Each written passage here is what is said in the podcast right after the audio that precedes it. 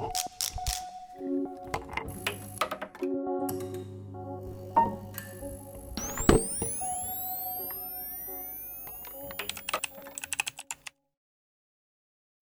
ja, op papier was het een, vind ik het nog steeds een goed plan. Maar de werkelijkheid was helaas weer barstiger. De bankencrisis brak uit. De VVD won en uh, maakte een enorme ruk naar rechts. Zijlstra en die ging met de bijl en de hamer zwaaien. En toen uh, ja, vielen er nogal wat klappen. Je luistert naar Wat komen jullie doen? De tweede aflevering van Werktitel. De podcast over werken in de kunst.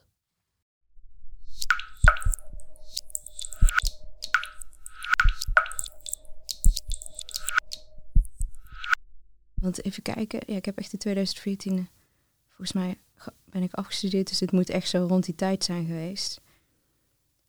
Ja, ik merkte gewoon dat, dat ik het wereldje ook best wel uh, pittig vond.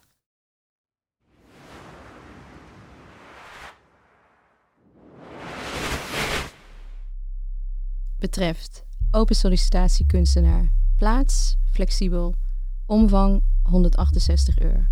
Geschreven te Sertogenbos, augustus 2014. Beste LS, naar aanleiding van de oververtegenwoordigde functie van kunstenaar wil ik mij met deze sollicitatiebrief graag aan u voorstellen. Als een van de honderdduizenden specialisten in de kunstwereld zie ik mijzelf als resultaat verantwoordelijk voor alle activiteiten die samenhangen met mijn kunstpraktijk. Ik laat me niet uit het veld slaan bij het uitblijven van erkenning, waardering en brood op de plank. Ik weet van aanpakken ben een harde werker zonder 9 tot 5 mentaliteit, met een sterke drive en heb een hands-on mentaliteit. Ik weet wat ik wil en ben bovendien goed in staat om zelfstandig te werken. Ik ben analytisch, initiatiefrijk, betrokken, origineel, integer, creatief, leergierig, autonoom, proactief, dynamisch, daadkrachtig. Ik denk out of the box en kan op de juiste momenten laten zien dat ik een echte salesstijger ben. De bereidheid om mijn ziel bloot te geven is in hoge mate aanwezig. De kunst is een unieke werkgever. Samen met duizenden gedreven mensen zou ik deel uit willen maken van het Europese team. Het flexibele karakter van het salaris, mede afhankelijk van de heersende subsidietendens in de politiek, het fluctuerende karakter van de crisis, mijn talent, mijn connecties, de juiste timing. De winstdeling met mijn vertegenwoordigers en het ontbreken van een pensioensregeling zal ik aanvaarden en accepteren. Ik vertrouw erop dat deze brief tot voldoende aanleiding heeft geleid mij uit te nodigen voor een vrijblijvend gesprek. Met vriendelijke groet, Lin Houtman.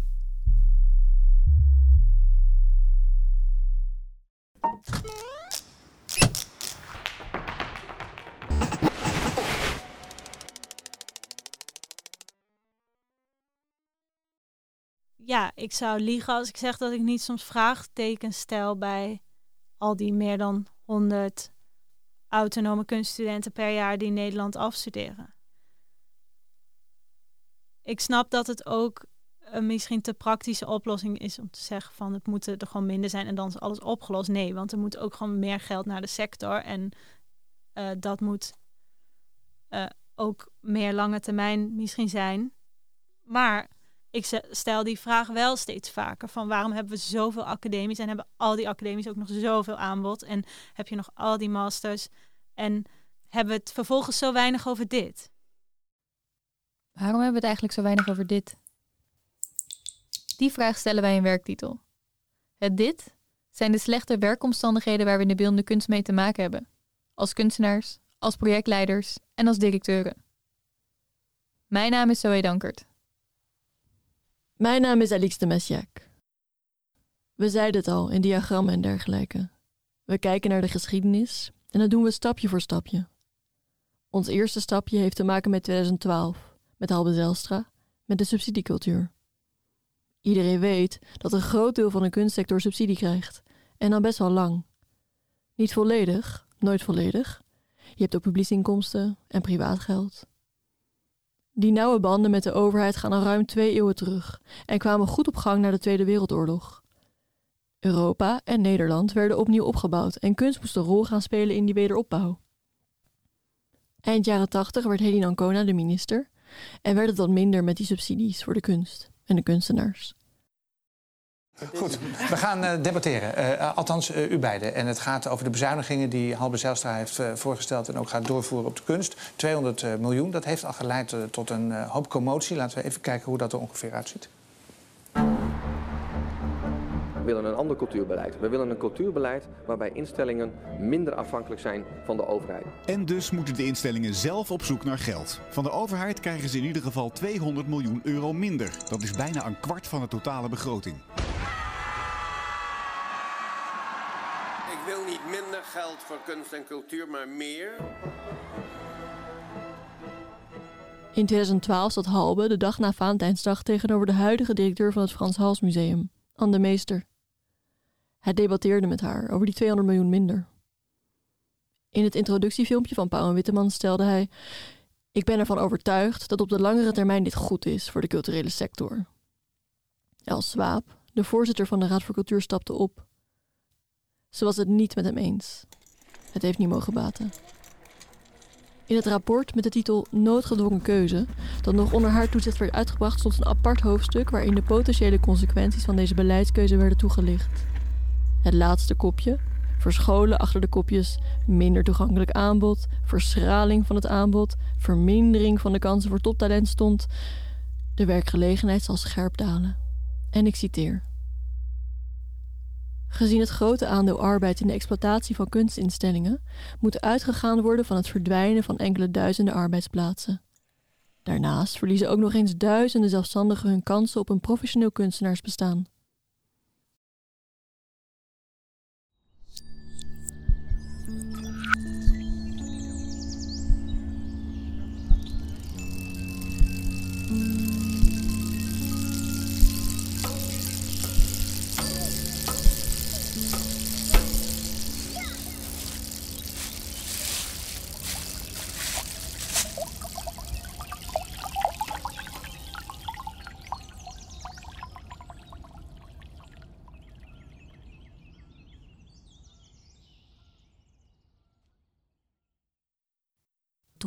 Klein waren, wij met regelmaat ook meegenomen werden naar musea. Mariette Dulle. En je kan je voorstellen, ik vertelde dat ik uh, mijn jeugd heb doorgebracht in Apeldoorn. Dat dat betekende dat wij heel vaak naar het Krullenmuller Museum gingen. Dan gingen we fietsen door de natuur op de witte fietsen. En uh, dan liepen we ook altijd het museum binnen. En vooral gingen we naar de beeldentuin. En er zijn heel veel van die uh, jeugdfoto's van mij waar ik uh, op, onder of aan kunstwerken zit. Want uh, in mijn jeugd wist je nog niet dat het verboden was om aan kunstwerken te zitten. vonden we helemaal leuk. En nou ja, je was buiten, je kon buiten spelen en er stonden de gekste dingen die de fantasie prikkelden. In het bijzonder het hele beroemde werk, hè, Le Jardin des Mailles. En dat vonden wij fantastisch leuk om op te spelen. Dus zeg maar de interactie van onszelf met die kunstwerken, ja, dat vonden wij heel erg leuk. Dus dat herinner ik me ook nog goed.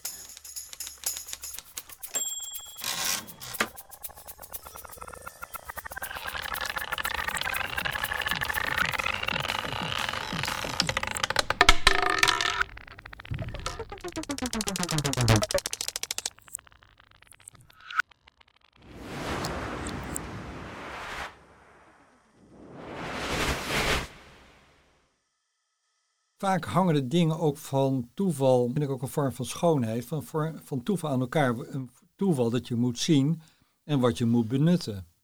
En daarmee is het ook een vorm van een glijbaan. Maar natuurlijk heb ik zeer regelmatig mijn kop gebonkt tegen de rand van de glijbaan.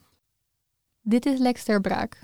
Toen heb ik heel lang, uh, ben ik heel lang kunstenaar geweest, tot mijn veertigste. En ik gaf twee dagen per week les daarnaast. Maar op een gegeven moment had ik genoeg van het kunstenaar zijn om alle redenen, daar kunt het over hebben of niet. Niet zozeer het kunstenaar zijn als kunstenaar, maar wel de voortdurende vraag van hoe kan ik hier in godsnaam van leven. Uh, ik herinner me nog goed dat op een dag kwam ik thuis, toen had ik een grote pot uh, Lascaux gekocht. Uh, acryl was toen duur, was 70 gulden. En toen zei mijn vrouw, oh, ik wil eigenlijk net schoenen voor de kinderen kopen, maar dat is geen geld. En toen dacht ik, ja nee, dit gaat dus niet werken. En toen besloot ik te stoppen en toen kwam toevallig dat rectoraat vrij. Ik vond het ontzettend leuk om kunstenaar te zijn. Maar dacht ik, ja, maar dan, moet ik dat dus nog 37 jaar lang doen. En dan nog zo lang voor de klas staan. En ik hield heel erg van Nederlands. Maar ja, over 20 jaar nog weer enthousiast over Van de Vos Renaarde vertellen. Dat weet ik nou ook weer niet. uh, en ik organiseerde toen al tentoonstellingen. Ik dacht eigenlijk misschien is wel veel leuker om, om te organiseren en dingen te doen. En daar kwam ook nog bij dat er waren uh, kunstenaars die ik zo ongelooflijk goed vond. Dat ik dacht, ja, maar dat niveau dat haal ik gewoon niet. Dus wat voor zin heeft het eigenlijk om dan door te gaan? Dus op het moment dat je jezelf die vraag stelt en ook dat antwoord geeft, dan weet je dat het voorbij is. Dus je weet altijd dat er betere kunstenaars zijn dan jezelf. Maar zolang het je niets kan schelen, zit je goed. Maar op het moment dat het je wel wat scheelt, dan heb je een probleem. In de jaren 90 werd Lex de directeur van het Fonds BKVB, het Fonds voor Beeldende Kunsten, Vormgeving en Bouwkunst. In de jaren 80 werd besloten dat het anders moest met de overheidssteun. Het moest worden gedecentraliseerd. Er ging geld naar de provincies en de steden en er kwamen fondsen. Het Fonds BKVB werd opgericht in 1988. Niet lang daarna volgde in 1994 de Mondriaan Stichting. Het fonds was er voor de individuele kunstenaars, de stichting voor rechtspersonen. Op 31 december 2011 fuseerde het fonds en de stichting en het werd het Mondriaan Fonds, een stimuleringsfonds voor beeldende kunst en erfgoed. Een fusie waarbij vanuit het ideale oogpunt bekeken je gewoon één pot geld had, wat je op een intelligente manier zou kunnen verdelen over instellingen en individuele kunstenaars, zou en het honorarium kunnen financieren, zou en uh, de vraag van de instelling kunnen financieren en het aanbod van de kunstenaar. En kan op een, uh, een inhoudelijke manier ook gespeeld worden met de subsidiegelden. Inhoudelijk, dat bedoel ik ermee dat je daarmee ook kunt zorgen dat er een diversiteit aan keuzes is. Nou ja, op papier was dat een, vind ik het nog steeds een goed plan, maar de werkelijkheid was helaas weer barstiger. De bankencrisis brak uit. De VVD won en uh, maakte een enorme ruk naar rechts. Zijlstra en die ging met de bijl en de hamer zwaaien. En toen uh, ja, vielen er nogal wat klappen. Je voelde dat de politiek zo aan het veranderen was dat het steunen van de individuele kunstenaar voor veel partijen, ook zelfs voor de P van de A enzovoorts, werd kunstondersteuning aan de kunstenaar gezien als een vorm van bijstand. Vanaf dag één dat ik eh, directeur werd tot dag 20.000 dat ik wegging, net zo minder zijn, werd altijd gezegd door de bestuursleden en de leden van de Raad van Toezicht werd het later, ja, maar we moeten van het woord subsidie af. Dat werkt zo slecht bij de politiek. En dat is het precies. Dus eh, als dan de politiek, en dan kwam iemand in de Kamer worden, van er is een fonds en dat deelt subsidies uit aan kunstenaars. Wat? Is dat er nog?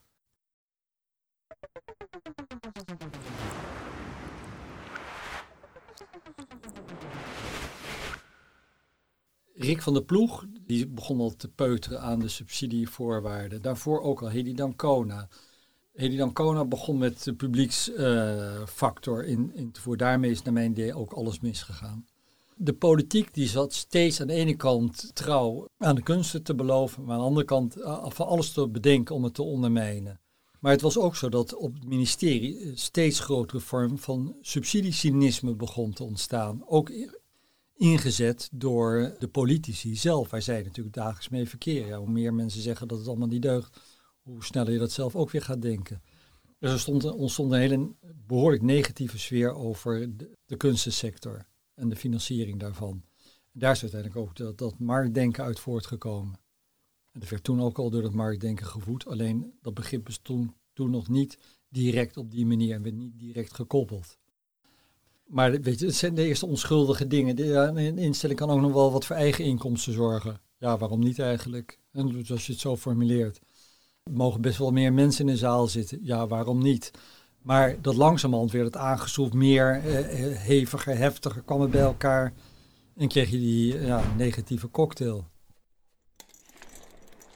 Er waren uh, kunstenaars die ik zo ongelooflijk goed vond. Dat ik dacht, ja, maar dat niveau dat haal ik gewoon niet. Dus wat voor zin heeft het eigenlijk om dan door te gaan? Dus op het moment dat je jezelf die vraag stelt en ook dat antwoord geeft, dan weet je dat het voorbij is. Maar het was niet voorbij. Een aantal jaar geleden is Lex gestopt met werken en is hij weer kunstenaar geworden. En die gaan helemaal niet met pensioen. Soms vraag ik me af, waar komen die vragen eigenlijk vandaan die mensen aan zichzelf stellen? Komen ze uit jou?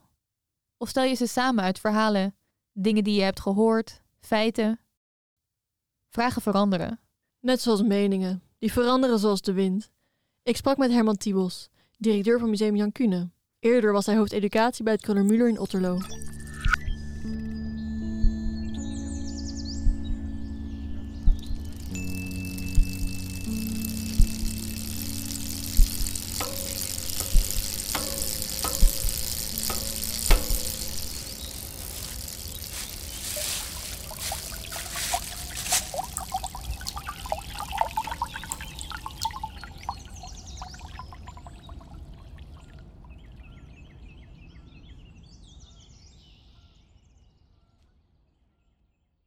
Toen Helene Kruller-Müller haar uh, een museum wilde bouwen, toen hebben alle linkse partijen uh, daartegen geprotesteerd, want ze vonden kunst een rechtse hobby. Dan heb je het over 1938.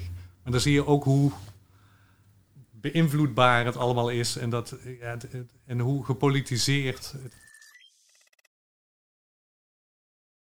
toen ik heb uh, bachelor filosofie gedaan, dat was eigenlijk uh, de tijd van de uh, Rutte 1 bezuinigingen. Dus toen in één keer 200 miljoen werd bezuinigd op de culturele sector en de grote afbraak. Toen was er ook zowel binnen de universiteit, maar ook denk ik, merkte ik binnen de, de kunsten een enorm, natuurlijk enorm verzet. Maar ook moest de kunstsector zich heel erg herijken van wie zijn we, waar staan we voor, wat is onze maatschappelijke waarde. En behalve de claim te doen naar de overheid van wij willen meer geld, was het ook binnen de sector zelf een enorme zoektocht om eigenlijk de relaties onderling weer opnieuw te onderzoeken. Van wie zijn wij, hoe organiseren wij ons, wat zijn de waarden in onze sector en hoe kunnen we die verankeren in ons gemeenschappelijke beleid of werkstructuren. Je hoort Koen Bartijn van Platform Beeldende Kunst, waar hij samen met Sepp Eckenhausen co-directeur is. Samen? Ja, we zijn onafscheidelijk. Ze werken allebei twee dagen per week voor Platform BK. Werken houdt in dat het een baan is. Een baan waar geld tegenover staat. Dit is niet altijd het geval geweest. Daarover sprak ik met Rune Peitersen, kunstenaar en een van de oprichters van Platform BK.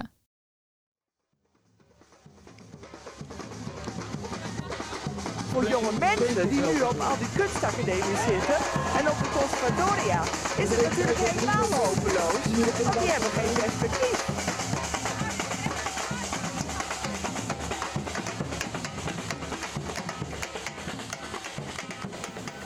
Heel goed, inderdaad, aan de meeste, denk ik dat het was, uh, riep iedereen bij elkaar. Dus we zaten in de Sandberg, uh, 60 mensen of zoiets uit het hele veld. En vol energie en er moest iets gedaan worden, enzovoort, enzovoort. In de loop van de zomer werd er dan heel veel vergaderd, uh, actiecommissies neergezet, en, enzovoort, enzovoort. En, en er waren steeds minder mensen bij. Uh, door allerlei redenen. Uh, het Zoals? Werd, het werd zomer, dus puur praktisch. En op een gegeven moment dan, dan merk je ook de energie gaat een beetje weg. En inderdaad, als je gaat zitten, dan, dan begint ook allerlei um, en nadenken over richting enzovoort. Dan begint het ook van, ja, nee, wij willen die kant op, wij willen die kant op. De kunstenaars wilden gelijk actie, uh, anderen wilden iets anders doen, enzovoort, enzovoort. Heel veel verschillende, er waren heel veel verschillende stemmen. Die allemaal iets, ja, iets samen wilden doen, maar niet per se hetzelfde. Ja, het, het probleem van de kunstwereld, dat wil zeggen, dat is niet zozeer het probleem van de kunstwereld, misschien overal zo. Lex ter Braak. Maar de solidariteit is gering en de diversiteit is groot. Ja, verschillende persoonlijkheden, soms was dat ook niet zo lekker. Wij dachten natuurlijk destijds dat dat binnen een jaar wel gehaald was. Velen van ons hadden ons nooit echt met het, zeggen, het politieke of maatschappelijke gedeelte van de kunstwereld bezig gehouden. Maar de shock, of de schok van wat er toen gebeurde was zo redelijk groot dat we ineens dachten van wow.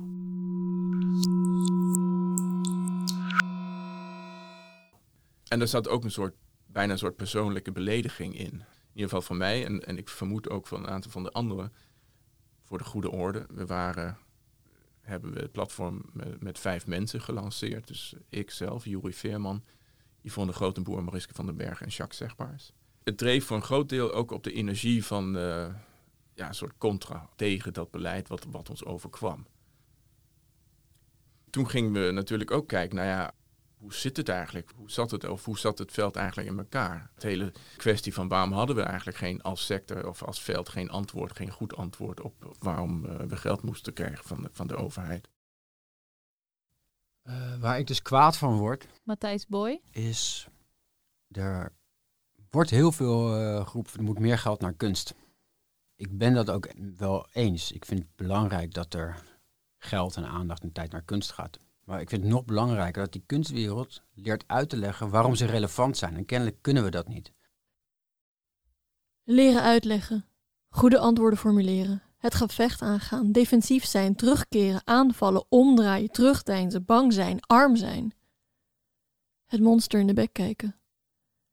Het geld klotste tegen de plinten. En de werkgelegenheid zal alsnog scherp dalen. Bij kunst.nl, wat een commerciële partij was, daar heb ik natuurlijk samengewerkt met marketeers en strategen. En wat je daar een beetje merkt is dat mensen die uit, de, uit het commerciële veld komen, die kennen iets minder de grenzen van wanneer iets nog, uh, uh, hoe zeg je dat, credible, uh, nee, integer, op een, de, de, kunstwereld kent een bepaald soort, was het integriteit. Dus je merkt dat als je strategen uit, uit, de, uit, de, uit het commerciële veld haalt, dat, dat, dan kom je, loop je tegen die discussie aan. Ik denk out of the box en kan op de juiste momenten laten zien dat ik een echte salesstijger ben. Leren uitleggen.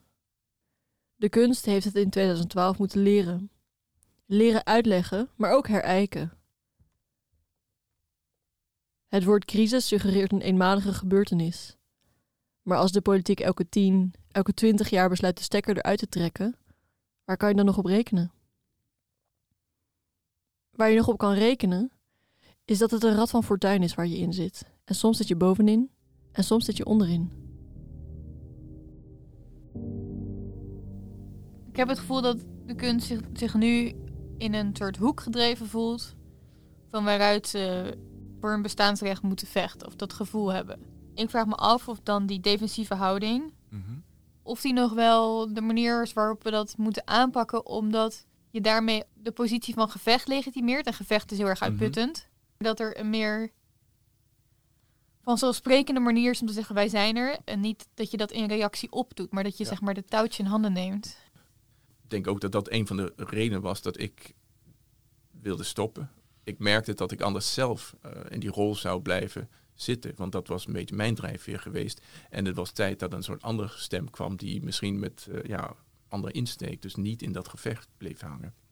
Het gesprek over de kunst, als we dat in relatie tot politiek zien, is, gaat niet op dezelfde manier als tien jaar geleden. Dan wordt een heel andere manier uh, over kunst gesproken. En het wordt, het wordt misschien zelfs minder besproken, maar het wordt niet op dezelfde wijze als een soort zondeboek ingezet.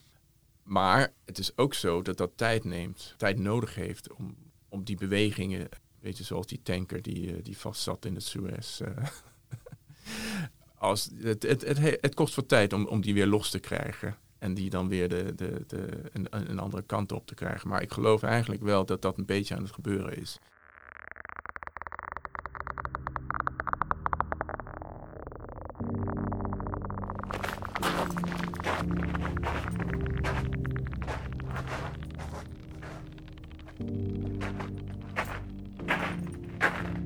Een beetje aan het gebeuren is.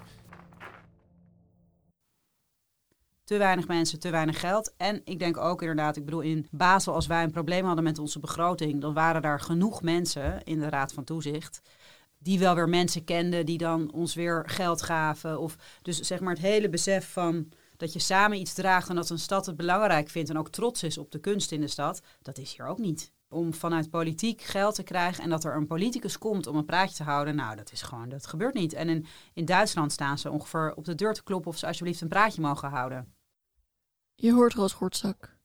Zij is de directeur van de Vleeshal in Middelburg, waar Lex begin 2000 ook directeur van was. De Vleeshal heeft een wat onstuimig financieringstraject achter de rug. Roos heeft de tijd doen keren, samen met haar team. Inmiddels is de Vleeshal de komende paar jaar opgenomen in de BIS, de culturele basisinfrastructuur. Dat is subsidie van het ministerie van OCW. Maar die subsidie krijgen, dat is een heel gehussel. Met mensen, met prioriteiten, met budgetten, met belangen met verschillende deadlines en verschillende eisen, om uiteindelijk fondsen voor hetzelfde project of programma te genereren. Ja, het, het, blijft een hele. Want je mag ook voor drie jaar nu toch aanvragen. Dat we na drie keer twee jaar dacht ik van nou, nu, ik bedoel, komt er waarschijnlijk een andere plek die ook eens een keer een mogelijkheid mag hebben. Dus ik dacht wel van, joh, als dat niet doorgaat, dan wordt het wel uh, ingewikkeld. Maar Ilko had ons ook gebeld om te vragen om niet uh, een aanvraag te doen toen wij al positief bis uh, van de raad hadden we positief, maar we wisten het niet 100% zeker nog. Ik bedoel, we zaten ook daarvoor niet in de bis, dus ik wist niet, weet, je, weet jij veel wat er gebeurt en of ze dat dan wel of niet uh, overnemen. En dan zouden wij dus het risico hebben gelopen dat we niet een aanvraag hadden ingediend bij het Mondriaan, niet het BIS krijgen. En wat dan? Ik bedoel, dan hadden we gewoon niks meer kunnen doen. Ja, dus ze vroegen jullie om de verantwoordelijkheid te nemen van het feit dat zij maar x aantal plekken hebben. Ja, en dat je dus ook dan op een lijst komt. Dus dan kiest bijvoorbeeld de commissie van Mondriaan ons. Vervolgens worden wij toch, dan horen we in september uh, dat we wel in de BIS zitten. En dan moet dus iemand anders op de B-lijst, komt dan in onze plek wijze van spreken. En dan wil je liever niet dat die mensen op de B-plaats komen, want wij kunnen meteen eruit stappen, was zijn argument. En zo, en we moesten toen ik er zat, moesten we bijna dicht eh, het eerste jaar dat ik er zat. Dus ja, dat is ook iets, en dat vond ik ook wel moeilijk, maar dat is dus ook gewoon een soort van realiteit waar je mee moet leren leven, denk ik. Dat het nooit zeker is en dat je je daardoor niet laat ontmoedigen. In Cycli wordt besloten waar de pijn ligt, waar het geld heen gaat en hoe die pijn verdeeld moet worden. De ene keer ligt de focus op de kunstenaars. Is er kunstenaarsbeleid? En de volgende keer zijn het de instellingen die het mogen verdelen. Voor die keuzes moeten we heel veel praten met anderen. Om te beslissen voor hoeveel iedereen het moet doen, hoe we dat doen en wat de visie is. In Middelburg zat Roos in zo'n overleg. Maar toen zaten we weer in het zoveelste overleg met, uh, dan gingen ze alle mensen, gingen ze met iedereen praten om een cultuurvisie voor Middelburg te ontwikkelen.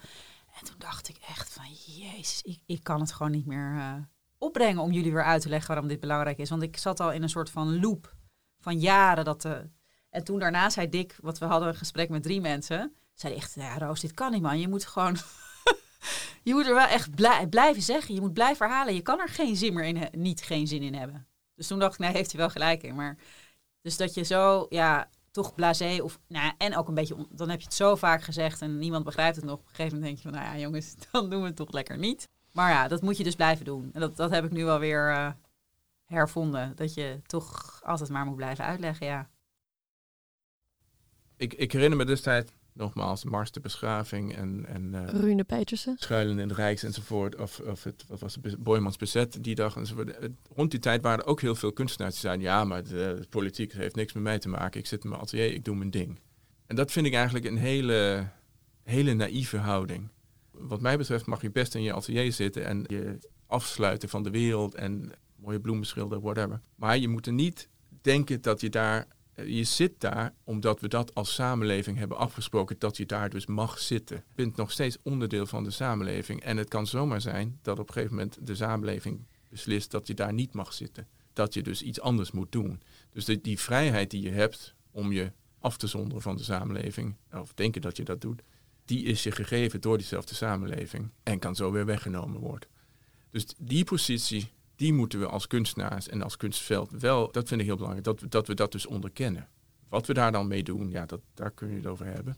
Maar vanuit die positie kunnen we dan spreken. En dan zijn we ook gewoon, ja, dan, dan hebben we ook net zoveel te zeggen over, de, over hoe we die samenleving gaan inrichten.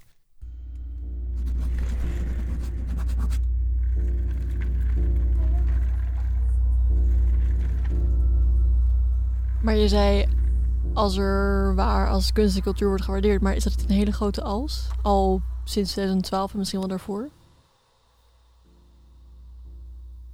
Zo, hoe bedoel je? Koen Bartijn. Dat we in de sector er wel prat op gaan dat uh, kunst en cultuur zou moeten worden gewaardeerd. Maar dat dat eigenlijk in de praktijk misschien wel al 20 jaar, als niet 30 jaar, tanende is. In ieder geval de politieke wil om dat structureel te financieren en, en waar te maken. Ja, en dat geldt voor heel veel sectoren die buiten de markt moeten opereren, idealiter. Zoals de zorg en de onderwijs. En de kunst valt er ook onder. En er is gewoon een heel groot deel wat, als het goed zou moeten functioneren, afhankelijk is van publiek geld. En het, we zien al sinds de jaren tachtig dat er uh, steeds minder geld voor is. Dus ja, we blijven de claim uh, richting de overheid, uh, noem je dat, zeggen van investeer in de publieke sector. Dus eigenlijk zitten we in hetzelfde schuitje als zorg, onderwijs, et cetera, et cetera. Ja, dus het is wel belangrijk dat we... Natuurlijk moet je wel... Hebben we enigszins een uitzonderingspositie, omdat ja, kunst... Het gaat over verbeelding, het gaat over uh, nieuwe perspectieven schetsen voor de toekomst. Alles wat de kunst vermag. Maar we moeten onszelf niet dermate onderscheiden van zorg of onderwijs, omdat we toch in hetzelfde schuitje zitten. We zijn lotgenoten.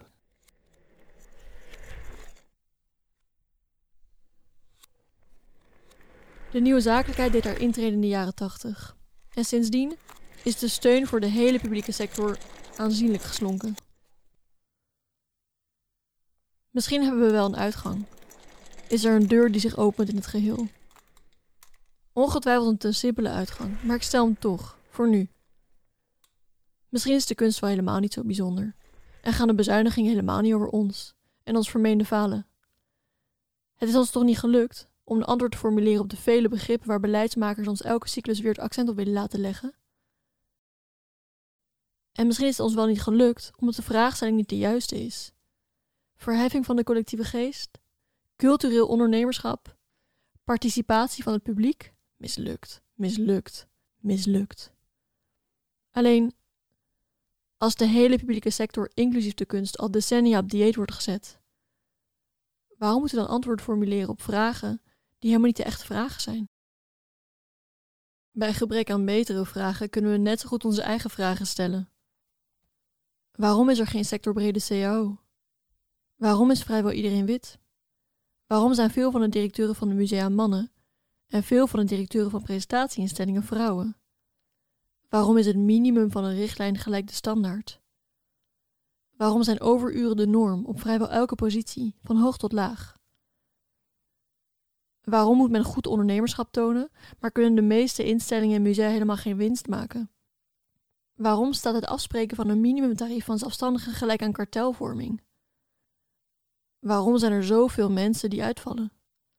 En waarom hebben meer dan een miljoen mensen in Nederland een nul-urencontract? Is dat een contract? Leg het me uit. Leer het me uitleggen. De onderzoekers in arbeidsrecht, Wieke Been en Maarten Keunen, die onderzoek doen naar de creatieve industrie en die je hoorde in diagrammen en dergelijke, zijn nog niet met ons uitgepraat.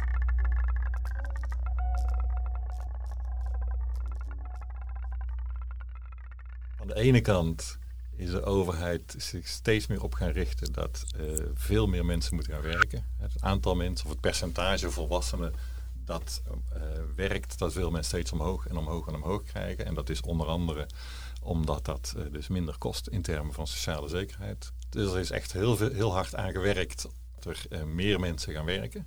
Tegelijkertijd is er heel weinig aandacht geweest voor de kwaliteit van het werk. Het werk op zich is een doel geworden en niet meer wat doe je dan en onder welke omstandigheden. En dat, dat heeft onder andere geleid tot een, uh, een flinke flexibilisering. Dat heeft ertoe geleid dat uh, lonen in, in de hele arbeidsmarkt in uh, gemiddelde termen erg zijn achtergebleven bij winsten en bij economische groei. Dus ook, ook buiten de creatieve sector heb je dat soort problemen. Maar hoe pusht een overheid dat mensen meer aan het werk gaan? Hoe kan een overheid dat bewerkstelligen? Nou, onder andere doordat in, in laat zeggen sinds 1983 zijn met heel veel kleine stapjes zijn uh, allerlei vormen van sociale zekerheid die we hebben uh, minder toegankelijk gemaakt. Je kunt minder makkelijk een uitkering krijgen. uitkeringen zijn lager geworden. Er zijn minder mensen die aanspraak kunnen maken op een uitkering. Daar kan een overheid mee pushen. Het is nou heel erg in de publiciteit gekomen met de toeslagenaffaire. Dat, dat, is nu het voorbeeld van hoe de overheid de burger is gaan behandelen. Dat is met heel wat overheidsinstanties zo. En dat is echt het gevolg van het algemene beleid. Dat hè, bij, bij, bij het, meer het neoliberale denken, daar hoort dus ook het, denken bij dat de, burger is uh, schuldig totdat anders bewezen. Die houding van de overheid is natuurlijk enorm veranderd. En toen, toen, toen ik, was in 1980 of zo denk ik, toen ging ik het huis uit. Uh, toen was ik net 18. Ik was net van school gegaan. Toen ging ik naar de sociale dienst. Ik kreeg een uitkering. En hoef ik niet al te veel voor te doen. Een half jaar later had ik me ook niet meer nodig.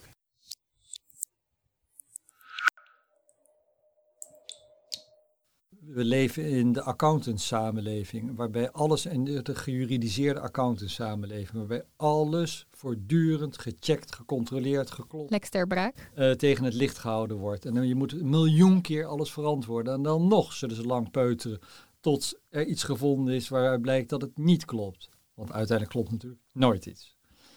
Ik ben er heel erg op tegen. Ik vind wel dat je verantwoording af moet leggen over wat je moet doen. Dat je daar fair en transparant in moet zijn dat er regels zijn. Maar ik vind dat in principe de samenleving op vertrouwen gebaseerd moet zijn en niet op wantrouwen. En dat hele validatiesysteem is in principe gebaseerd op wantrouwen.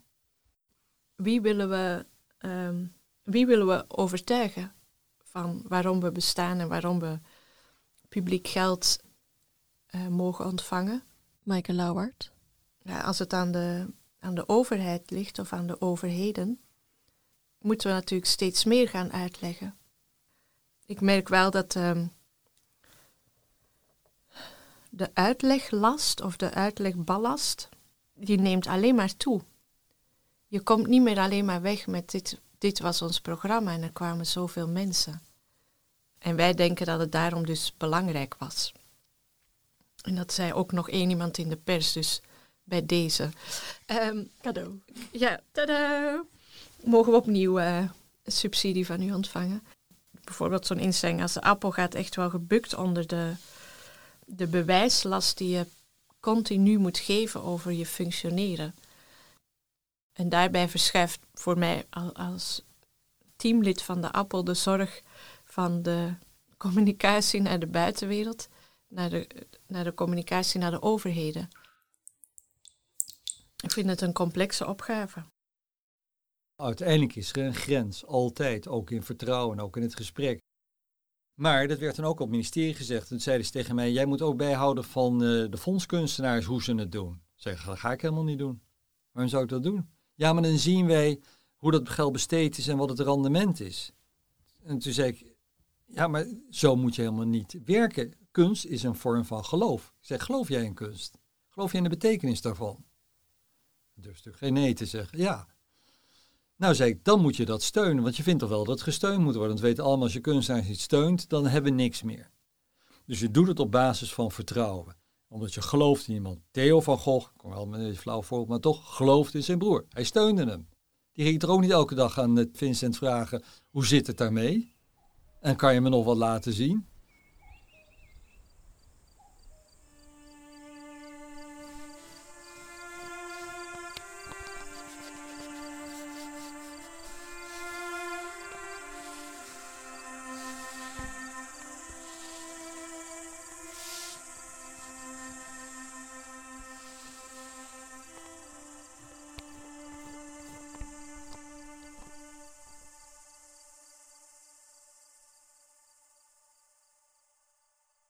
Jullie vertelden in het begin uh, dat jullie uh, allemaal, of allemaal, sommige aannames hadden of uh, theorieën dat die niet per se blijken te kloppen in het onderzoek. Kun je misschien schetsen wat, wat je dacht en wat niet klopt of wat anders ligt dan anekdotische? Wat ik ontzettend opvallend vind is dat we aan de ene kant dit passieargument hebben en dat doorgaan, doorgaan idee. En tegelijkertijd zie je dus in, in de data dat heel groot deel van uh, de creatieve sector uitstroomt. Daarmee ophoudt. Dus er zijn er echt heel veel die, die toch geen Van Gogh worden, die dat oor toch laten zitten, laten we zeggen. En die gaan iets anders doen.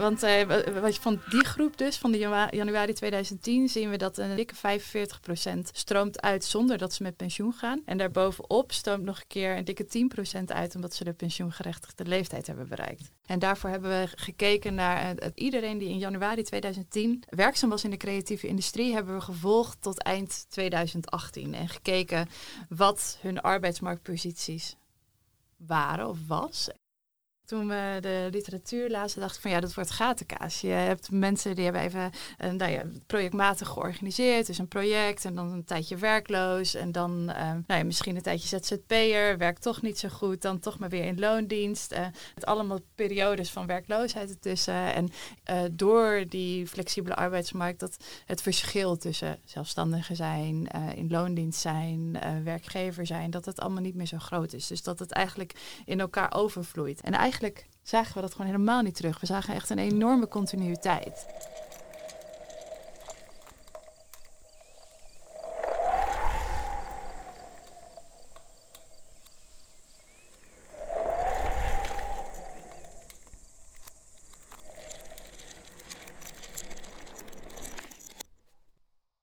We hebben gekeken wat de factoren zijn die beïnvloeden dat mensen uitstromen. En je ziet dat de mensen die het minst verdienen, het vaakste uitstromen. Daar komt nog bij dat er dus ook heel veel mensen weer instromen. En in een sector waarin de, laten we in relatieve termen, de arbeidsvoorwaarden eigenlijk alleen maar slechter worden. Dat er eigenlijk veel te, uh, veel te groot aanbod is van mensen die, die uh, willen werken in de creatieve sector. En ook, ook in ieder geval een aantal sectoren veel meer mensen opgeleid worden dan dat er uh, plausibel kunnen werken.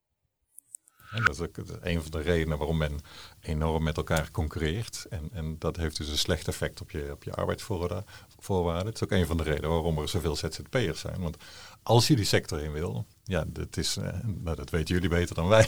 Als je op jullie leeftijd uh, in de creatieve sector wil beginnen, dan moet je niet gaan denken aan een vaste baan of zo. Dan word je dus ZZP'er. Dat is niet zo heel veel uh, anders te doen. Maar dan ja. weet je dus ook niet van tevoren of je bestaan kunt opbouwen.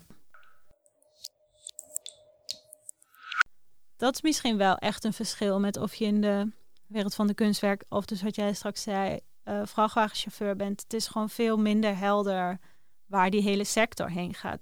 Ik zit alleen maar de hele tijd van, oh mijn god, als straks echt die crisis komt, hoe moet dat dan met de kunst of zo? Dat je, dat je dan al meteen weer denkt, oh ja, er komt weer iets aan of zo voor die. Terwijl die sector nog helemaal niet zo bekomen is van 2012.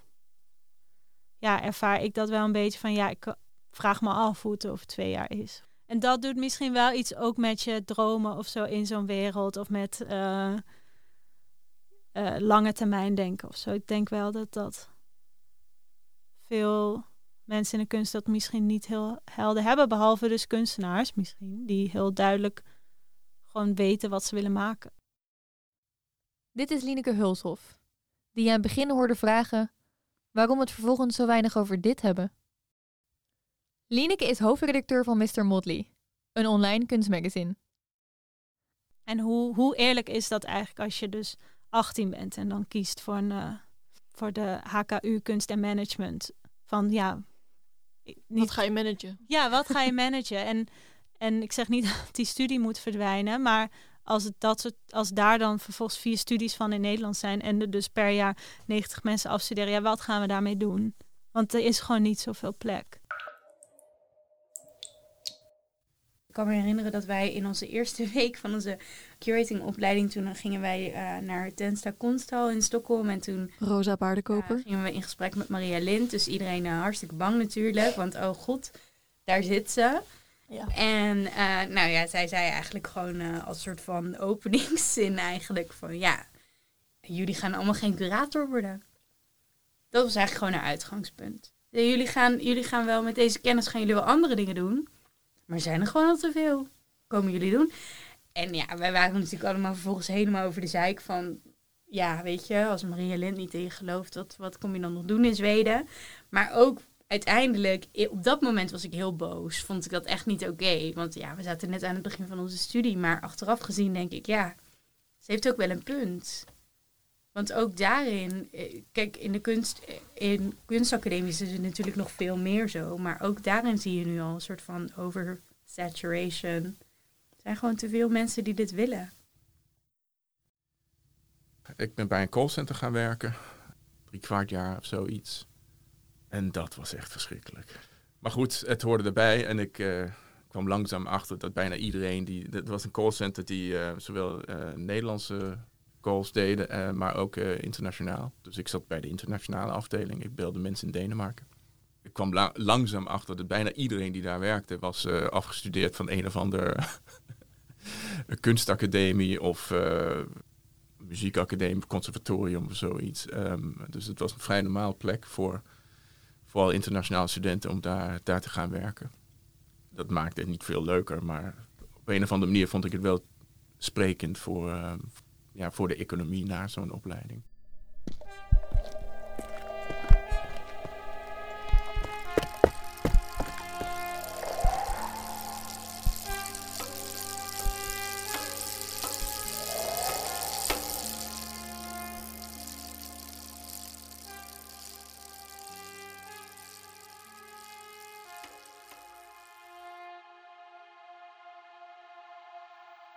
En neem een, uh, een bank bijvoorbeeld. Hè. Banken die gaan zich op een andere manier organiseren. En dan gaan ze in plaats van waar ze vroeger heel hiërarchisch werkten, met uh, gescheiden van elkaar. Nou werken ze allemaal in teams die in, in drie tot zes weken uh, bepaalde projecten, noemt men dat dan, gaan uitvoeren, oplossen.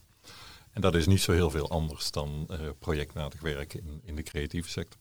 Alleen het verschil is dan dat die mensen bij de bank, die gaan binnen die bank van het ene project naar het andere project, naar het andere project. En die doen dat jaren achter elkaar. En in de creatieve, een deel in ieder geval van de creatieve sector, moet je steeds als ZZP'er op zoek naar je volgende project. Er zit heel veel zoeken bij, er zit heel veel netwerken bij, er zit heel veel um, gratis werken bij. Dat maakt het echt heel anders dan dat je bij die bank werkt en uh, ja, dat je eigenlijk gewoon op een veel georganiseerdere manier van project naar project gaat. En het stomme is dat als je om zo'n arbeidsmarkt te laten functioneren, met zoals in de creatieve industrie, dat je gewoon kleine projecten hebt en dat je steeds weer een nieuw project zelf moet zoeken, heb je gewoon eigenlijk meer, je hebt een overschot aan mensen nodig omdat je wel steeds gewoon weer een team moet kunnen uh, samenstellen.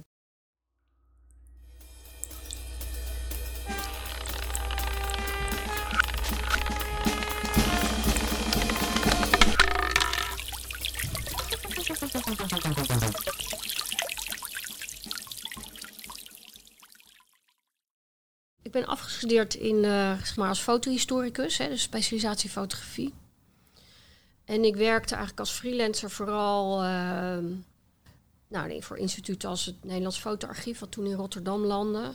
Annette Zondervan. Maar het Stadsarchief hier, het Rijksmuseum. Opdrachtgevers van toen waren eigenlijk uh, mensen die, op een gegeven moment schat ik dat een beetje in, ook het Stedelijk Museum Amsterdam, waren mensen die ongeveer 10 tot 15 jaar ouder waren dan ik. En die hadden eigenlijk een stoel. Die zaten op een plek in een organisatie. En ik dacht van ja, dit kan nog wel. Als ik dus de ambitie heb om fotohistoricus te worden in een, in een instituut, dan zitten daar mensen voor me die eigenlijk tien jaar ouder zijn, 15 jaar ouder zijn. Die zitten op een leuke stoel, die hebben leuk werk.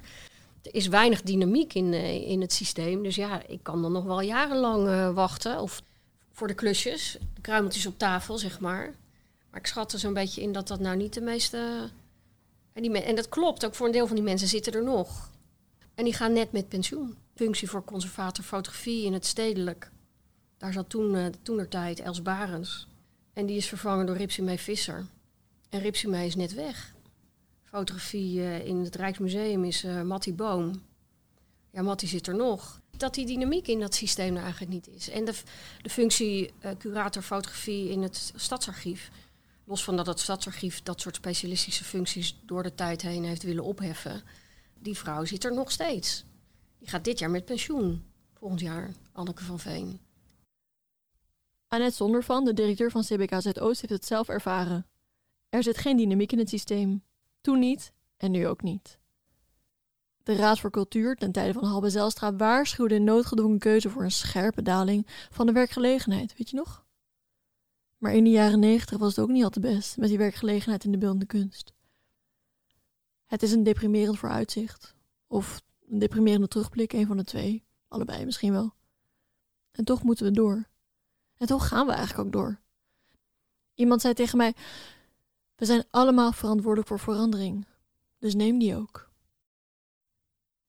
Imara Limon is curator bij het Amsterdam Museum. Ze begon daar in 2016. Vol goede moed en met veel energie zette ze haar tanden in het bewerkstelligen van verandering. Misschien was ze daarvoor binnengehaald, misschien ook niet. Hoe dan ook, ze ging ervoor. Nou, ik weet nog wel aan het begin, toen ik net bij het museum werkte, dat ik, ja, ik, ik zag wel dat ik wilde graag dingen veranderen. Dan bespreek je dan met een manager of met een collega, heb je een goed gesprek over, maar dan aan het eind van het gesprek is nou niet echt van, oké, zo gaan we het doen. Maar meer een beetje een zucht van, ja, dat willen we allemaal. Uh, dus toen, ja, ik heb nog best wel vaak of een uh, gepassioneerde mail aan uh, directeur gestuurd, of even daar echt langs op de deur geklopt en gezegd, dit moet nu anders. en het heeft gewerkt. Want niet direct van, oké, morgen gaan we dat doen, maar wel het besef vergroot in het museum van, we moeten echt urgent op grotere stappen veranderingen maken. Toen dacht ik, ja, ik kan nu elke keer iemand uitnodigen en één tekstje veranderen, maar eigenlijk moeten we gewoon die teksten goed gaan schrijven. Dus kunnen we niet deze personen betrekken bij denkgroepjes over hoe we teksten schrijven en zo. Eh, want ik zag dat ik alleen maar een beetje aan het dweilen was met de kraan open.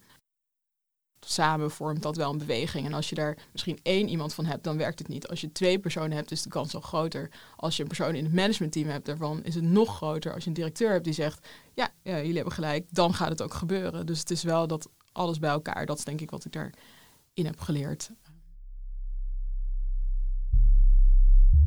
Ik vertrouw erop dat deze brief tot voldoende aanleiding heeft geleid mij uit te nodigen voor een vrijblijvend gesprek. Met vriendelijke groet, Lin Houtman. Het gaat heel erg om agentschap. Van je eigen zijn en je eigen kunnen. Het is de basis. Wie ben ik? Wat wil ik? Waar ga ik heen? We blijven er maar terugkomen, dit soort vragen. Maar is die vraag is die ook niet voor ons heel relevant, omdat wij als freelancers opereren in de, in de beeldende kunst? Er wordt ons verteld dat wij zelfstandig ondernemers zijn. Dus wij, kunnen, wij, hebben, wij zouden agentschap hebben over waar we naartoe gaan, waar we opdrachten hebben, hoe we onderhandelen, wat we betaald krijgen. En we hebben nul agentschap. Laten we zeggen 10% max of zo. Je kan nee zeggen, maar eigenlijk kan je geen nee zeggen. Dat wij heel erg dat agentschap willen benadrukken, dat komt denk ik dus omdat wij dat zelf heel, heel erg ontberen op het moment in hoe wij werken. En wij zijn dan ook weer exemplarisch eigenlijk voor hoe de hele kunstsector opereert, omdat de kunstsector is afhankelijk van waar het geld vandaan komt. En waar het geld vandaan komt is voor een groot deel vanuit het ministerie. Ook daar zijn zeg maar de onderhandelingsposities er niet. Je zou dan de kunstsector als een soort ZZP'er kunnen zien die niet kan onderhandelen of niet zijn positie duidelijk kan maken en niet kan uitleggen wat eigenlijk de rechten zijn, maar ook de onmogelijkheden, de noodzaken tegenover een overheid. En nu hebben we begrepen dat de overheid ook heel vaak welwillend is en graag meedenkt, maar... Ja, tot je 2012 tegenkomt. En dan denkt de overheid niet meer graag mee. Nee, en sindsdien gelooft denk ik ook bijna niemand meer, of dat is misschien te scherp gesteld, maar we wisten eigenlijk al dat, dat die relatie helemaal niet zo stevig was. Elke beleidstermijn kunnen nieuwe eisen ontstaan die bepalen dat jouw praktijk of jouw instelling er niet meer toe doet, niet meer past. En wat dat betekent is dat er geen geld meer komt. En dat betekent dat jij kan opdoeken. Of dat je de instelling die je hebt gebouwd in de afgelopen jaren kan opdoeken. Dat je mensen moet ontslaan. Dat je de stroming, de richting, de discipline die jij de moeite waard vindt, die je aan het opbouwen was, dat je die moet afbreken.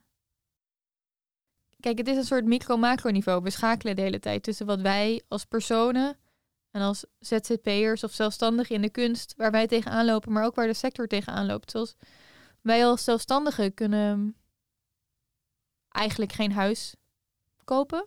En wij kunnen, het is voor ons heel moeilijk om kinderen te krijgen, omdat we niet weten of we genoeg financiële middelen hebben om een kind, wat sowieso langer termijn denken is, uh, op te voeden. En voor de sector geldt iets soortgelijks. Je weet ook niet of je, of je kan investeren in het pand waar je in zit. Of je um, kan investeren in de wijk waar je in zit. En het wordt je wel gevraagd om te investeren in de wijk waar je in zit, want anders heb je geen nut. Dus dat is dan participatie. Maar geen agentschap. Nee. Nee, geen agentschap. De geldstromen zijn fragiel. En dat besef van die fragiliteit, als er constant aan de geldknoppen wordt gedraaid, dat laat goed zien dat subsidie een moeizame, of in ieder geval een uiterst bewerkelijke oplossing is. Lex ter Braak, die in deze aflevering hoorde, stelde samen met Gitta Luiten, zij was toen de directeur van de Mondriaan Stichting, en ook met anderen, het boek Second Opinion samen. De tekst op de achterflap stelt: Aangezien het beleid op dit terrein de afgelopen decennia weinig veranderd is, lijkt de tijd rijp de uitgangspunten en de consequenties van subsidiëring te heroverwegen en mogelijk te herijken. Het verscheen in 2007. Volgens Lex viel het niet goed in de sector. En toch, dat herijken hebben we wel moeten doen. En misschien moeten we daarover gaan nadenken, over die subsidiestromen. Of in ieder geval onze eigen positie van binnenuit formuleren, juist nu. Nu het beleid veel is veranderd en veel gaat veranderen. Vormen richting meegeven, de toekomst in. Je moet een gegeven paard niet in de bek kijken, ik weet het. Maar het paard is ons helemaal niet gegeven. Het paard staat briesend op stal en kan elk moment weggalopperen. Dus laat de teugels vieren.